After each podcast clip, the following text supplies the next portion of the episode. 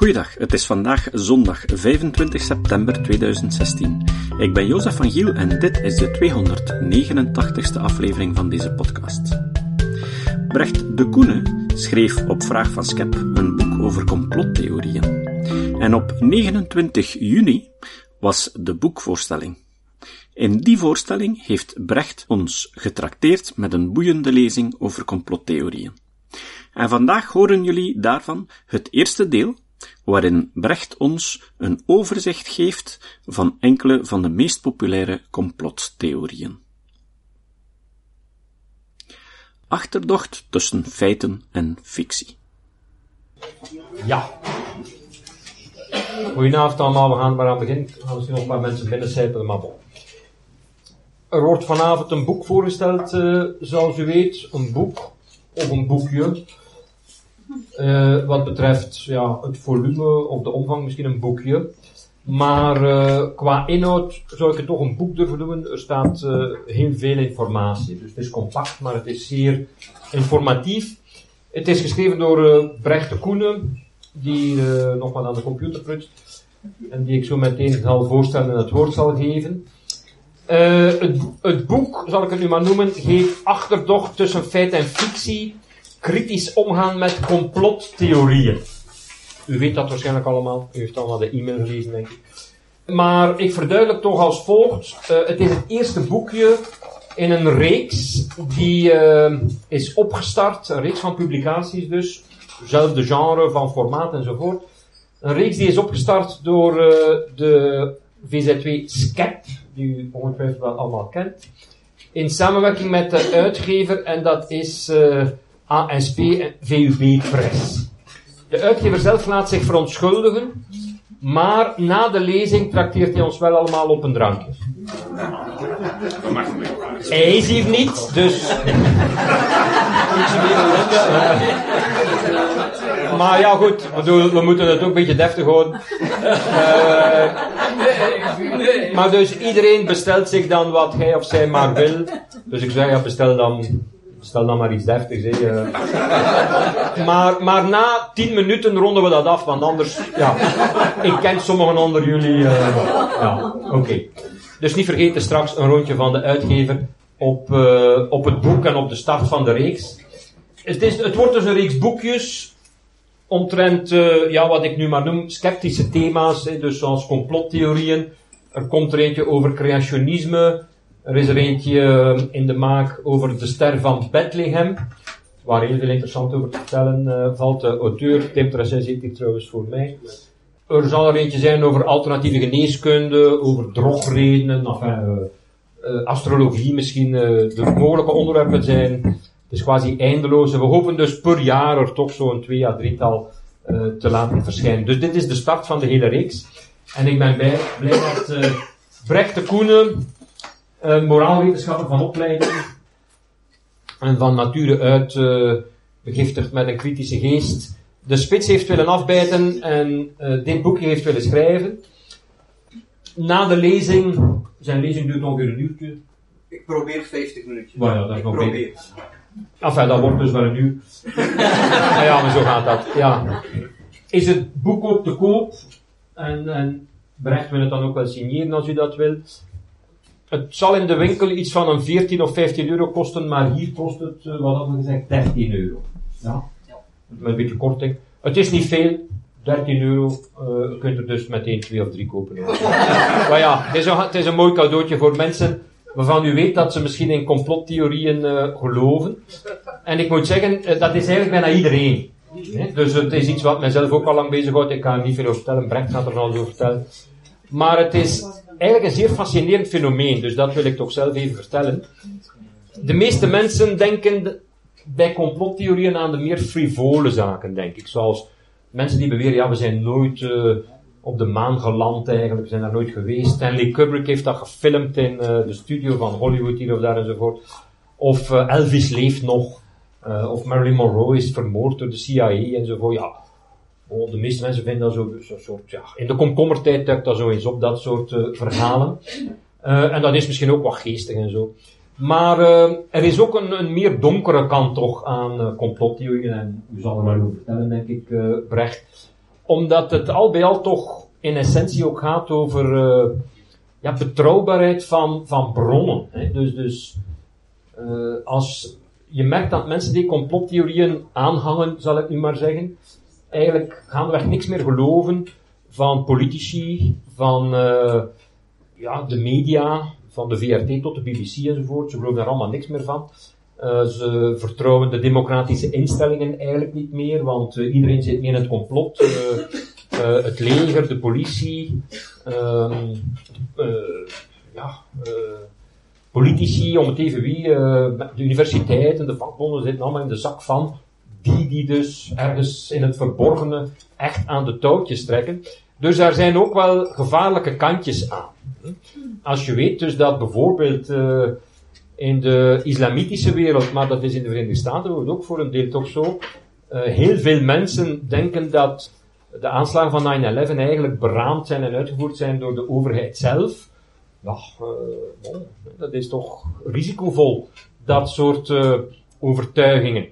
Er zijn mensen die denken dat de terroristische aanslagen, waar we nu al een hele tijd mee te maken hebben, dat die ook in scène zijn gezet, bijvoorbeeld door de wapenindustrie, ik zeg maar wat, zodanig dat, dat die dan daardoor meer wapens kan verkopen, want de mensen willen zich dan beveiligen, nietwaar? Omdat aanslagen het uh, onveiligheidsgevoel aanwakkeren.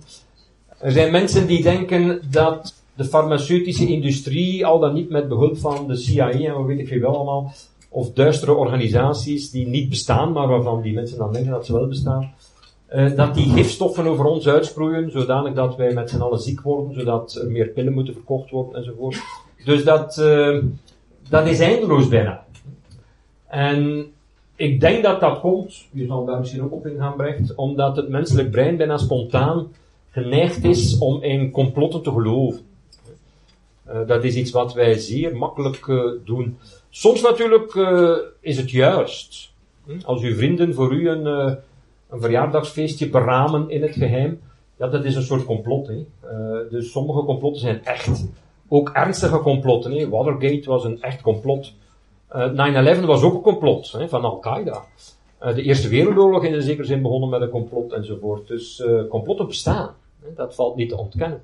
Maar daar staat tegenover dat het feit dat wij daar makkelijk gaan geloof aan hechten, dat ons dat ook ja, te ver kan doorduwen en dan gaan we echt soms in de hekste dingen geloven. Dus Brecht zal daar wel voorbeelden van geven. Dus het is niet zomaar een frivol onderwerp. Hè. Het is een, uh, al wel een ernstige kwestie. Het is psychologisch fascinerend natuurlijk hoe mensen ja, er kunnen toe komen om in, om in toch wel hele rare dingen te geloven. Als je daar een beetje studiewerk naar doet, is soms extreem bizar. Zelfs de frivole vormen zijn bizar. Hè. Ik ken persoonlijk mensen die denken dat Paul McCartney uh, al lang dood is. Hè. Dat is iets wat u ook kent, en u lacht daar misschien een beetje mee. Maar die ervan overtuigd zijn dat die man die onlangs nog in Wechters optrad, dat dat een soort dubbelganger is die met plastische chirurgie en stemtraining en weet ik veel allemaal, ja, de verongelukte of vermoorde echte McCartney heeft moeten vervangen, omdat, uh, om financiële redenen, ja, die platen moesten verkocht worden enzovoort. Zijn mensen dat echt geloven? En dat zijn geen domme mensen of, of, zotte mensen of ja, ik, ik, gebruik nu wat oneerbiedige woorden, maar u begrijpt mij wel. Dat zijn in het meestal vrij verstandige mensen, want je moet redelijk verstandig zijn om zo'n complottheorie ja, te kunnen in uw hoofd te kunnen in stand houden in zekere zin.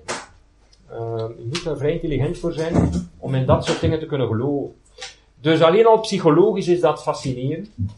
Maar uh, zoals ik zei, ja, er zijn toch ook allerlei uh, risico's aan verbonden uh, vanuit democratisch oogpunt. Uh, bijvoorbeeld Donald Trump, ja, gelooft in zekere complottheorieën, hij flirt er in elk geval mee. Ja.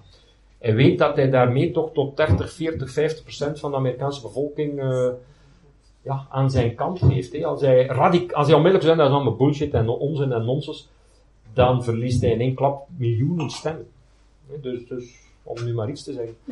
Uh, het is niet onbelangrijk, dus niet, niet zo onnozel of frivol, als het misschien op het eerste gezicht lijkt. Dus daarom ben ik blij dat uh, Brecht uh, zich de voorbije jaren ondertussen al heeft ingewerkt in de rijke literatuur. Er zijn veel wetenschappelijke studies over, over de aard en oorsprong en functie enzovoort van complottheorieën. En dat hij het voor ons allemaal compact en zeer leesbaar heeft samengebracht in, in dit Boekje.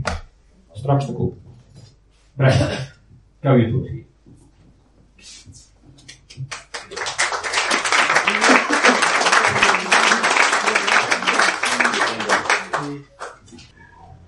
Oké, eh, voor ik eigenlijk begin aan mijn eh, korte lezing, ik zal het inderdaad proberen een uh, vijftigtal minuutjes lang of kort te houden.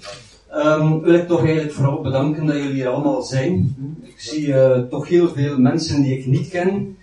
Ik zie ook een paar mensen die ik wat beter ken, waaronder bijvoorbeeld Peter van de Kastelen met groen t-shirt en een beetje verder Um, Frank Verhoft zijn twee mensen die heel het, het, script eigenlijk ook hebben nagelezen. Dus als het boekje vlot leest, dan is dat voor een stuk ook aan die twee mensen te danken. En ik wil ze daarvoor erkentelijk zijn. Um, daarnaast natuurlijk ook Johan Braakman en Tim Trachet die, die mij begeleid hebben en op alle punten en stappen in het proces bijgestaan hebben met raad en daad. En dat, uh, dat was leuk. Dus bedankt ook eigenlijk aan, aan die mensen. Ehm, zoals dat Johan zei, straks wordt het ook verkocht en kopen gerust meerdere, want mijn vriendin wil een moto en dat kost geld. En mijn beste vriend heeft gezegd dat met twee op een moto zitten eigenlijk niet zo leuk is, dus we moeten er elk één hebben, dus we moeten twee kopen. Dus ehm, laat u vooral gaan straks. Oké, ik, ik uh, licht kort eventjes toe waarover ik het allemaal kort zal hebben in, in die 50 minuutjes. Eerst en vooral definiëring. Ik denk dat het belangrijk is dat ik toch kort even aanhaal wat complottheorieën zijn en wat niet. Uh, is belangrijk dat we op dezelfde lijn zitten. Ik vind dat niet het belangrijkste onderdeel, maar ik zal ondertussen toch wel een aantal zaken kunnen uh, ja, nog eventjes aanraken een aantal nuances. Dat er toch een aantal interessante dingen over te vertellen vallen. Een tweede, Johan heeft het ook al gezegd, hè, zijn complotdenkers gek? Hij zei het, is zo een beetje ja, um, oneerbiedig geformuleerd. Maar daar wil ik toch zeker ook nog eventjes um, op ingaan, omdat ik dat zeker belangrijk vind. Um, en dan natuurlijk waarom dat we hier vandaag daar eventjes bij stilstaan, of waarom dat ik er een boekje over schrijf, of waarom dat ik belangrijk vind dat, uh, dat je dat bestudeert. Hè. Dus daar, daar, zit een zeker, uh, zeker belang achter. En dan zal ik uh, ingaan over hoe dat je daarmee kan omgaan. In het boekje behandel ik een viertal methodes. Er zijn er waarschijnlijk wel meerdere. Maar ik zal hier twee kort bespreken hoe je om kan gaan met complottheorieën, complotdenken in het algemeen. Um, ik zal het kort eventjes over chemtrails hebben en dan over 9-11. En dan op het einde misschien nog een aantal tips en discussies. Dus dan minder inhoudelijk, maar meer qua stijl en hoe je je best opstelt als je discussieert met mensen die een, een andere mening op nahouden, omdat ik denk dat het ook uh, belangrijk is. Um, wat is een complottheorie? Johan heeft er ook al een aantal aangehaald. Dus ik, ik, het, probeer het kort te houden. We weten bijvoorbeeld allemaal dat de officiële versie zegt dat prinses Diana samen was met Dolly Al-Fayed. Nadat ze met uh, prins Charles samen was. En um, op een bepaald moment verongelukt ze in een tunnel in Parijs. Omdat de paparazzi achter haar uh, zitten en de chauffeur die probeert die van zich af te schudden. Die heeft een beetje te veel gedronken en die verliest controle over het stuur en ze, ze komen tegen die tunnel terecht en ze overlijden. Dit is de officiële versie.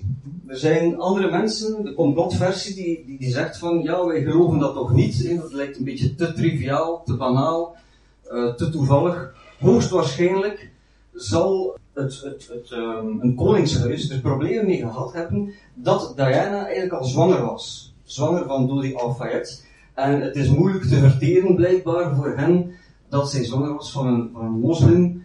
Dus um, heeft Evil Elizabeth eh, opgedragen aan MI5, aan de, de, de, geheime diensten, om die uit te ruimen. Dat mocht niet zo zijn, dat was een te grote schaamte, dus dat klopt niet. Dus je hebt enerzijds de officiële versie, anderzijds heb je de, de complotversie. Een volgend voorbeeld, allemaal bekend. Uh, iedereen weet dat uh, 19 leden van Al-Qaeda ehm, extreme islamitische terroristen hebben een aanslag gepleegd op de, de Twin Towers. Die twee torens zijn naar beneden gekomen en ehm, ja, door de impact en ook door uh, de grote hoeveelheid aan, aan, aan kerosine die de boel eigenlijk verzwakt heeft, en zo zijn die gebouwen naar beneden gekomen. Er zijn andere mensen die zeggen, mm, dat is toch een beetje te vreemd dat, dat eigenlijk maar een brand en, en eigenlijk um, die twee gebouwen tegelijkertijd, of toch ja, uh, alle twee, uh, naar beneden zijn gekomen. Dat kan niet. Dat, uh, dat kerosine eigenlijk de boel zo verzwakt dat die gebouwen naar beneden komen. En dus de Bush administration, de Bush regering, was daarvan op de hoogte, heeft dat mee eigenlijk georganiseerd, of op zijn minst heeft ze dat waarschijnlijk gefaciliteerd, heeft ze gemaakt dat dat mogelijk was, uh, dat dat kon. En um, daar is iets anders aan de gang.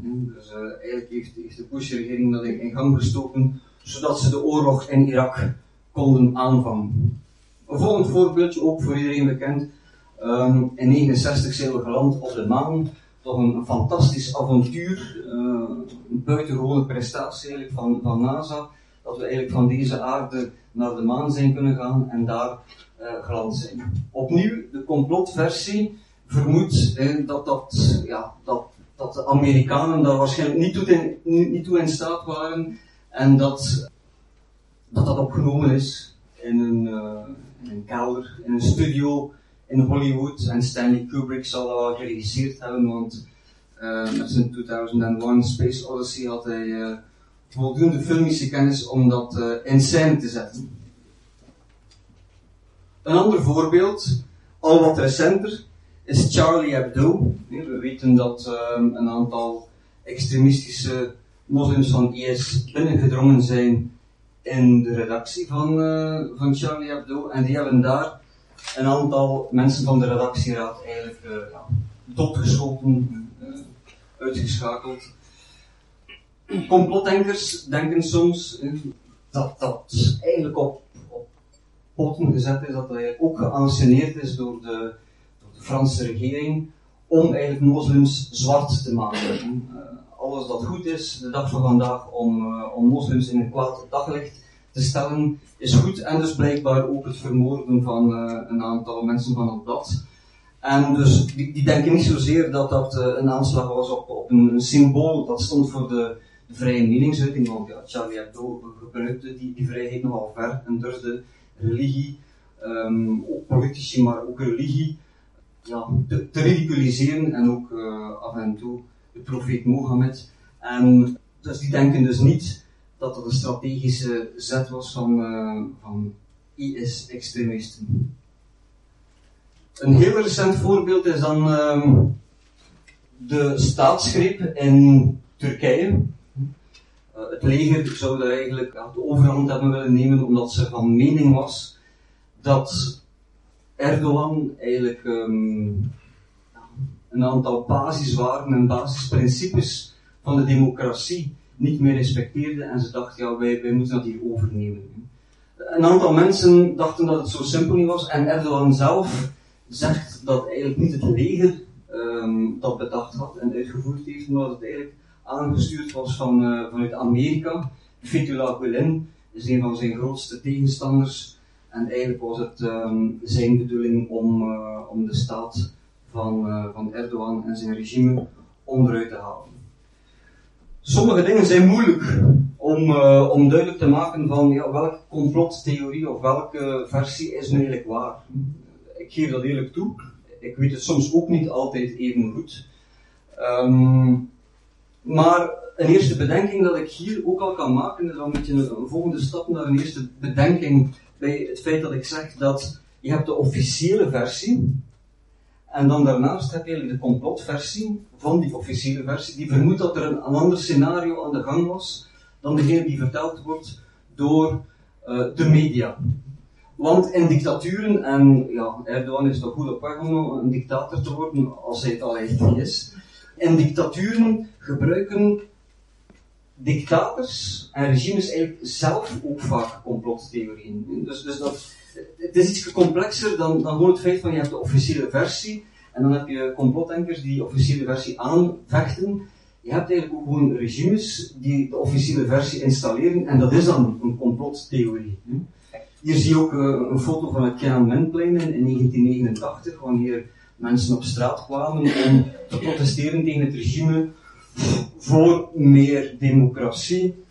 Um, misschien soms ook uh, tegen de corruptie. Er zijn allerlei motieven waarom mensen dan op straat kwamen. Sommigen ook omdat ze uit dat communistische regime kwamen en, ze waren bang dat ze een aantal verworvenheden in de sociale zekerheid en zo zouden kwijtspelen. Dus mensen kwamen op straat en de overheid heeft uh, dat protest keihard uh, de kop ingedrukt. Een andere bekende foto is die van de Tankman. Dus in, in, in die zin weet iedereen in de wereld wel wat de echte versie is, maar zal de, de, ja, de overheid dat doodzwijgen of uh, er een andere versie op nahouden. Dus het is, het is niet zo eenvoudig als de officiële versie en complotdekkers spreken dat tegen. Uh, veel Arabische landen en regimes zullen ook zelf complottheorieën aanhalen om, um, om hun tegenstanders onderuit te halen. Een tweede bedenking daarbij is eigenlijk, je hebt natuurlijk de officiële versie van de feiten, je hebt uh, de complotversie, maar daarnaast bestaan er ook gewoon complotten. Dat is des mensen. Mensen beramen uh, complotten tegen elkaar, uh, op het werk, in de politiek, wat weet ik allemaal. Dus dat is iets heel, heel normaals eigenlijk. Dus het is niet omdat je per definitie gelooft in, in een of ander complot, dat je daarom onmiddellijk een complotdenker bent. Een aantal voorbeelden. Johan zei het daarnet eigenlijk ook al. Um, eigenlijk was 9-11 een, complot van uh, al-Zawahiri, de nummer 2 in de tijd, maar sinds 2 mei 2011 is uh, Osama bin Laden uitgeschakeld en is hij de nummer 1 en uh, Sheikh Khalid Mohammed. Dus die drie met nog een aantal andere mensen van Al-Qaeda hebben eigenlijk dat complot beraamd. Dat was een, echt complot en het is gelukt en nogal goed, jammer genoeg. Een ander voorbeeld is dat van Watergate. Ja, Johan haalde het, het ook al aan. Hè. Watergate was eigenlijk Richard Nixon die zijn politieke tegenstander afluisterde en die een aantal mensen de opdracht gaf om in het Watergate-gebouw um, afluisterapparatuur te installeren om zo op die manier in politieke debatten zijn tegenstander um, slim af te kunnen zijn. Hij wist op bepaalde momenten wat de tegenstander zou zeggen, kon daar zeer goed op, op. En um, is uiteindelijk dan ook uitgekomen door het fantastische journalistieke werk van um, Woodward en Bernstein. Hier heb je de film waar uh, Robert Redford en Dustin Hoffman uh, de rol vertolken van de twee. Dit is een foto van de, van de echte twee journalisten. Dus die hebben dat blootgelegd. Hè. Dus daar was echt iets aan de hand en iedereen erkent dat. Een volgend voorbeeldje dat velen ook waarschijnlijk kennen is dat um, Hitler een aantal aanslagen heeft uh, meegemaakt op zijn persoon. En hier zie je kolonel Klaus von Stauffenberg. Er is er ook een film van gemaakt, Valkyrie, als operatie Valkyrie, uh, vertolkt door uh, Tom Cruise. En we weten allemaal dat hij niet gelukt is, want hij is eigenlijk gestorven door, door zelfmoord te plegen in zijn bunker op het einde van de oorlog. Alhoewel dat ook mensen zijn die dat niet geloven natuurlijk daarnaast, je zult zien dat ik veel verwijzingen maak naar film. Dat heeft gewoon te maken met het feit dat ik zelf een behoorlijke filmliefhebber uh, ben. En daarnaast heeft dat nog een andere reden, maar daar zal ik straks dan nog wel eventjes kort op ingaan. Dus ik wil eventjes zeggen, um, er zijn officiële versies, er zijn complotversies van de officiële versie en je hebt daarnaast eigenlijk ook gewoon nog talloze duizenden andere echte, werkelijke complotten. Dus niemand ontkent dat. Dus niet van, van op het moment dat je gelooft of vermoedt dat er een complot is, ben je een complotdenker. Dus dat is, uh, dat is een, een, eerste paar bedenkingen. Een aantal werken die ik gelezen heb, onder andere van Daniel Pipes, geeft daar ook een, een, een, een definitie van. Hij zegt, het is gewoon een complot dat nooit gebeurde. Dus een complottheorie is de niet bestaande versie van een, uh, van een complot of een samenzwering. Ik vind dat een goede poging, hè, want over het algemeen uh, vermoedt men een samenzwering waar die daar niet is. Dus het is een niet bestaande versie. Alhoewel dat er andere schrijvers zijn die daar ook een beetje moeite mee hebben, want ja, aantonen dat iets niet bestaat, is soms ook wel moeilijk. Dus je kan soms wel aantonen dat iets bestaat, maar aantonen dat iets niet bestaat, dat is al een stuk moeilijker. Ik, ik snap dat wel, maar toch blijf ik die, uh, die um, definitie wel, wel handig um, blijven. Maar bijvoorbeeld David Aronovich, die zegt dat het de onnodige aanname is van een complot, wanneer andere verklaringen eigenlijk meer waarschijnlijk zijn. Dat vind ik ook een, een mooie poging. Dus het, het, is moeilijk om, om, om, om complottheorieën goed af te bakenen, of daarom daar een, goede definitie van te geven. Verschillende schrijvers hebben daar een, een andere gedachte over. Maar toch eventjes dit aanraken, omdat uh, het belangrijk is een aantal zaken scherp te stellen. Volgende keer gaat Brechte Koenen dieper in op de vraag of complotdenkers gek zijn. Op de notitiepagina van deze aflevering kan je uitvissen hoe je het boek kan kopen. Het citaat. Het citaat van vandaag komt van het citaat van vandaag komt van Daria Safai. Safai is een Belgisch-Iraanse oprichtster van de actiegroep Let Iranian Women Enter Their Stadiums en auteur van Lopen tegen de wind. Naar aanleiding van een foto van een vrouw die in hijab meedeed aan strandvolley tijdens de Olympische Spelen, schreef ze een opinieartikel in de morgen. Safai zei, Wie gelooft in het dragen van de hijab, gelooft in de sharia. Het is niet zomaar een kledingstuk, maar het uiteindelijke kenmerk van de discriminatie van vrouwen, die een van de pilaren vormt van het islamitische gedachtengoed. Op basis van de sharia worden vrouwen rechten ontnomen. Alleen bij hoge uitzondering hebben ze het recht om te scheiden. De voogdij gaat altijd naar de man en de getuigenis van een vrouw is maar half zoveel waard. Tot de volgende keer. Deze podcast is het resultaat van het werk van veel mensen. Rick de Laat verbetert bijna al mijn teksten en maakt de meeste vertalingen.